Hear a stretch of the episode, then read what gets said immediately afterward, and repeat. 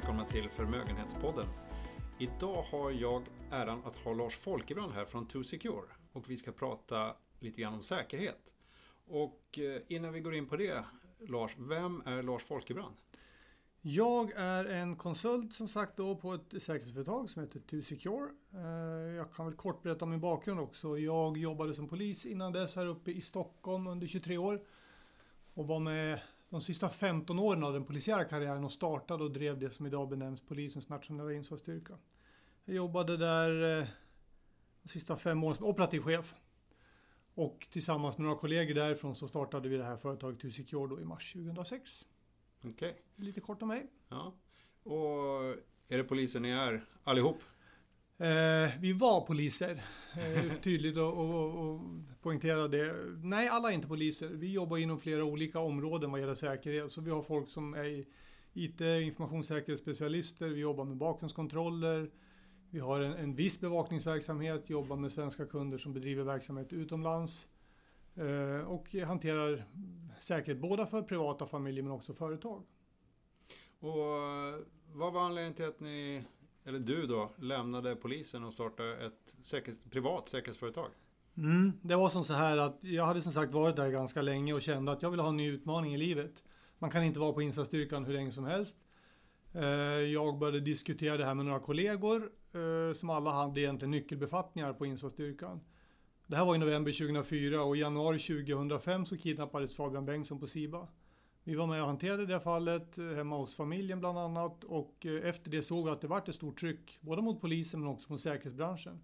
Och där vi kände att vi hade en ganska stor unikitet att kunna hantera sådana här frågor. Och sen brukar jag alltid i direkt anslutning till det säga att idag är inte kidnappning någon stor business i Sverige. Definitivt inte. Jag får alltid frågan, man är orolig för sina barn och så vidare, men det är ingen business i Sverige. Okej. Okay. Men det här gjorde du alltså när ni jobbade för 2Secure och inte som Nej, polis? det var alltså hantera Fabian Bengtsson-caset, det var, då var vi fortfarande kvar inom polisen. Ja. Och då hade vi precis börjat diskutera om att starta säkerhetsföretag. Uh, och sen så fick vi då liksom lite bensin på brasan när vi såg trycket både som sagt mot polisen och säkerhetsbranschen. Så då kände vi att nu kan vi gå ut och starta ett eget företag med det här och erbjuda. Okej, okay, så det var lite om varför ni startade. Men om eh, nu då inte kidnappning kanske är den stora kriminaliteten i Sverige. Hur ser kriminaliteten ut i Sverige idag? Ja, men det ser ut så här, om man, om man liksom tittar på vad de kriminella, vad utgår de ifrån? Ja, i 95 fall av 100 så är det pengar. De vill komma över pengar på ett eller annat sätt. Sen finns det andra förtecken. Man kan eh, vilja ha makt, man kan ha sexuella preferenser eller man kan vara religiöst eller politiskt övertygad. Men pengar är den stora delen. Och det ju, ser ju annorlunda ut idag mot på den tiden man kunde kanske råna banker, värdetransporter och allting sånt här. Det funkar inte idag för vi har ju inte kontanter på samma sätt utan idag är det ju elektronisk överföring och, och transferering av pengar. Så att eh, de, de kriminella har ju bytt modus på ett absolut eh, väldigt tydligt sätt. Så motståndaren idag ser inte likadan ut som den gjorde för 10 år sedan, 15 år sedan. Mm. Så mycket har förändrats. Men hur stort problem är det då? För jag tänker mig det här med, med, med kontanthanteringen, att den har minskat, har minskat kriminaliteten just på det sätt som du beskriver. Men, men om den har förändrats, är det fortfarande lika stort problem eller? Det är ett större problem idag. Det är större problem idag? Ja, ett betydligt större problem idag. På grund bland annat av att de kriminella åker inte fast. Du behöver inte ens, jag menar skulle du råna en bank då var du faktiskt tvungen att fysiskt sett befinna dig på platsen. Idag kan du sitta bakom en dator och göra det här inte nödvändigtvis ens i samma land som de du begår brott mot. Du kan göra det via en server i ett, ytterligare ett land. Så att det finns ingen polismyndighet som kan utreda alla de här bedrägerierna. Vi jobbar ju med förmögna familjer och även med stiftelser och institutioner. Men om man tittar just mot privatpersoner då. Eh, skiljer sig kriminaliteten mycket åt när det gäller mot förmögna personer? Är det något speciellt de ska tänka på? Eller är utsatta för? Ja, men ju, ju Alltså även de kriminella kan ju faktiskt, eller om man ska prata rent formellt, så är man ju ute efter kreditvärdiga människor. För de människor som har mer pengar är ju lättare att gå på än de som har mindre pengar. Så att eh, det är klart att de ska i ännu större utsträckning se över säkerheten runt sig själv och sina familjer och sina företag. Det är jätteviktigt. Och det här handlar väldigt, väldigt mycket om kunskap. Och den kunskapen finns tyvärr inte hos eh, gemene man idag på grund av att de flesta kanske inte då har råkat illa ut. Eller har man råkat illa ut så har man bara tittat just på den lilla delen.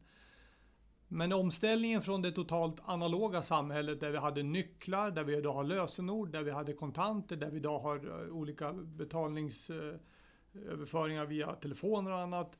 Hela den övergången kräver också att man har koll på säkerhet och det är det väldigt få tyvärr idag som har. Om vi tar det här, GDPR har kommit som lagstiftning. Eh, och eh, bara de senaste veckorna här så tror jag att de flesta har blivit lite irriterade över alla mejl som har kommit in om, om ändrade eh, villkor och så vidare. Men du ser lite grann positivt på, på GDPR. Kan du berätta varför? Ja men absolut, för GDPR är ju till för den enskilde. Den enskildes rätt att få vara anonym. Och det tror jag få idag har förståelse för, utan man ser det bara som en byråkratisk lavin. Men det handlar ju om att varje människa ska ha rätt att få vara anonym, att ha rätt att eh, äga sina egna personuppgifter, att ha rätt att eh, olika medier tar bort information om en. Sen finns det det som går över det här. Det är vissa lagstiftningar, det är också utgivartillstånd via journalistiska eh, medier och så vidare. Men eh, ett sådant stort företag som Google exempelvis, de är ju tvungna att ta bort en länk till en tidningsartikel om du begär det. Och det här är få som känner till. Så att man kan faktiskt utnyttja GDPR på ett väldigt positivt sätt. Om det ligger gammal information som man själv känner att den här informationen är framförallt ur ett säkerhetsmässigt perspektiv inte bra för mig.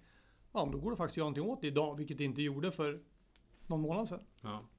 Det måste vara väldigt positivt då om, om det är den här digitala kriminaliteten som har, som har växt. Ja. Yeah. Det finns ju tyvärr också en annan form av kriminalitet som jag kanske ändå måste benämna och det är ju att de som då inte är kapabla att begå den här digitala brottsligheten, de eh, behöver ju också komma över pengar. Och då blir det så att de försöker komma över sådana saker som kan generera pengar. Och det kan vara värdefulla saker, det kan vara bilar, bildelar, klockor, juveler, annat. Eh, sånt som man kan omsätta till pengar. Och det har vi tyvärr också sett den senaste tiden att det har varit fler och fler sådana inbrott, rån, rån i hemmet. Eh, det, det gick ju för ett tag sedan ett rykte om det här med klockor, att det var någon lista ut och så vidare. Den vill jag ta, ta, ta död på helt och hållet. Det fanns aldrig någon lista ut och så vidare. Utan de här människorna har varit exponerade på annat sätt. Men det var väldigt mycket rån eh, av, av människor som hade dyrbara klockor. Och man var inne både i hemmet och eh, på gatan och så vidare. Men även bilar, fina, fina bilar, fina bilars bildelar och så vidare. Mm. Sånt som man då kan omsätta i pengar. Så det har också egentligen blivit eh, en ökning på det har vi sett senaste mm. tiden. Men hur jobbar ni med mot till exempel våra kunder eller förmögna familjer? Vi försöker eh, få dem att eh, förstå hela det här scenariot. Och då är det egentligen två huvuddelar. Det ena är att jobba förebyggande. Och, och det gör man utifrån att eh, förstå hela det här sammanhanget. Det börjar nästan alltid med exponering. Exponering av någon person. Det kan man inte alltid bortse från eller ta bort. För att om du är exempelvis VD för ett stort bolag, då ingår det i tjänst att du företräder den här verksamheten. Både i bra och i dåliga tider. Du ska finnas där. Men då tycker vi att då ska man också kanske ha någon att hålla i hand i de här frågorna. På samma sätt som du kanske har din rådgivare inom bankvärlden, du har en jurist, du har en PR-firma. Så behöver någon också hjälpa dig att, eh, så att du, du navigerar rätt inom säkerhet. Så, så, exponering är en stor del. Men sen handlar det också om att eh, sårbarheter kan finnas där man minst anar det. Det kan finnas i hemmet, det kan vara barnen, det kan vara familjen. Det kan vara platser man, man är på och så vidare. Vad man lägger ut om sig själv på sociala medier. Vad andra vänner lägger ut om mig på sociala medier. Och så vidare och så vidare. Allting det här måste man ha förståelse för och göra bedömningar och avvägningar. Vad är bra och vad är en risk för mig? Just det.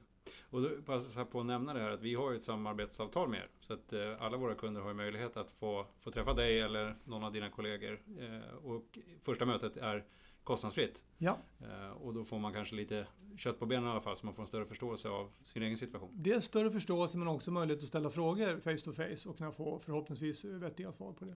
Om jag ska utmana dig nu då, att, att nämna en eller två saker som alla egentligen borde tänka på när det gäller för att undvika att utsätta sig själv för onödig risk. Vad skulle du säga då? Ja, den lätt, absolut lättaste eh, saken att plocka fram idag det är hur du hanterar dina digitala lösenord. Det som förr var en nyckelknippa med nycklar som du låste hemmet, du öppnade dörren på arbetsplatsen, din bil och allting. Det är, det är idag lösenord. Många går omkring med väldigt liten nyckelknippa. Man har tre, fyra nycklar som funkar till alla dörrar som man öppnar i livet. Och det är en av de största synder och sårbarheter som man har. På grund av att om man blir av med ett enda lösenord så finns det möjlighet att ta det lösenordet och så öppnar man upp andra dörrar som du har i ditt liv. Ja. Det är en stor synd. Få känner till det här, men det är så det fungerar.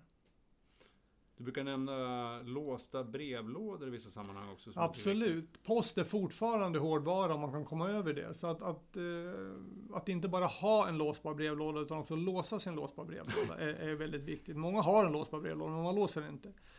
Och jag tror att hela det här mindsetet att inse att om man ska leva ett säkert liv så kanske det tar lite, lite mer tid än att om du lever bara det här snabba livet som alla är ute efter. Det är tumavtryck, det är fort, allt ska gå väldigt, väldigt...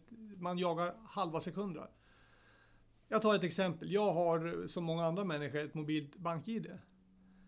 Eh, Myndigheten för samhällsskydd och beredskap som äger det här med lösenord säger att om du ska ha ett bra lösenord idag, då ska det vara minst 12 tecken. Och då ska det vara stora, små bokstäver, konstiga tecken och siffror.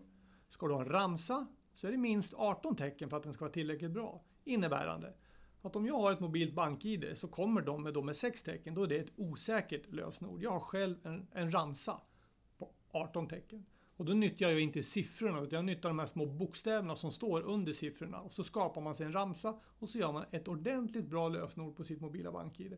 Så är det mindre risk att jag blir av med det. För ditt mobila bank-id, det öppnar upp hela ditt liv. Du kommer in på skattekonto, du kommer in på alla möjliga olika känsliga sajter.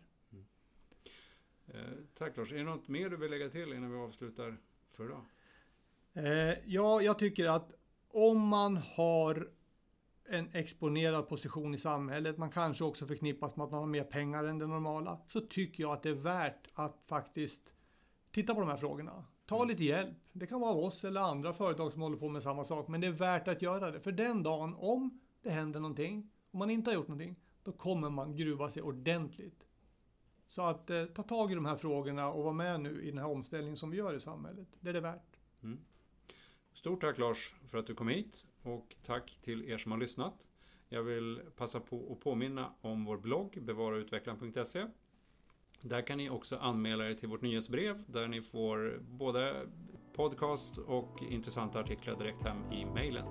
Tack för att ni har lyssnat.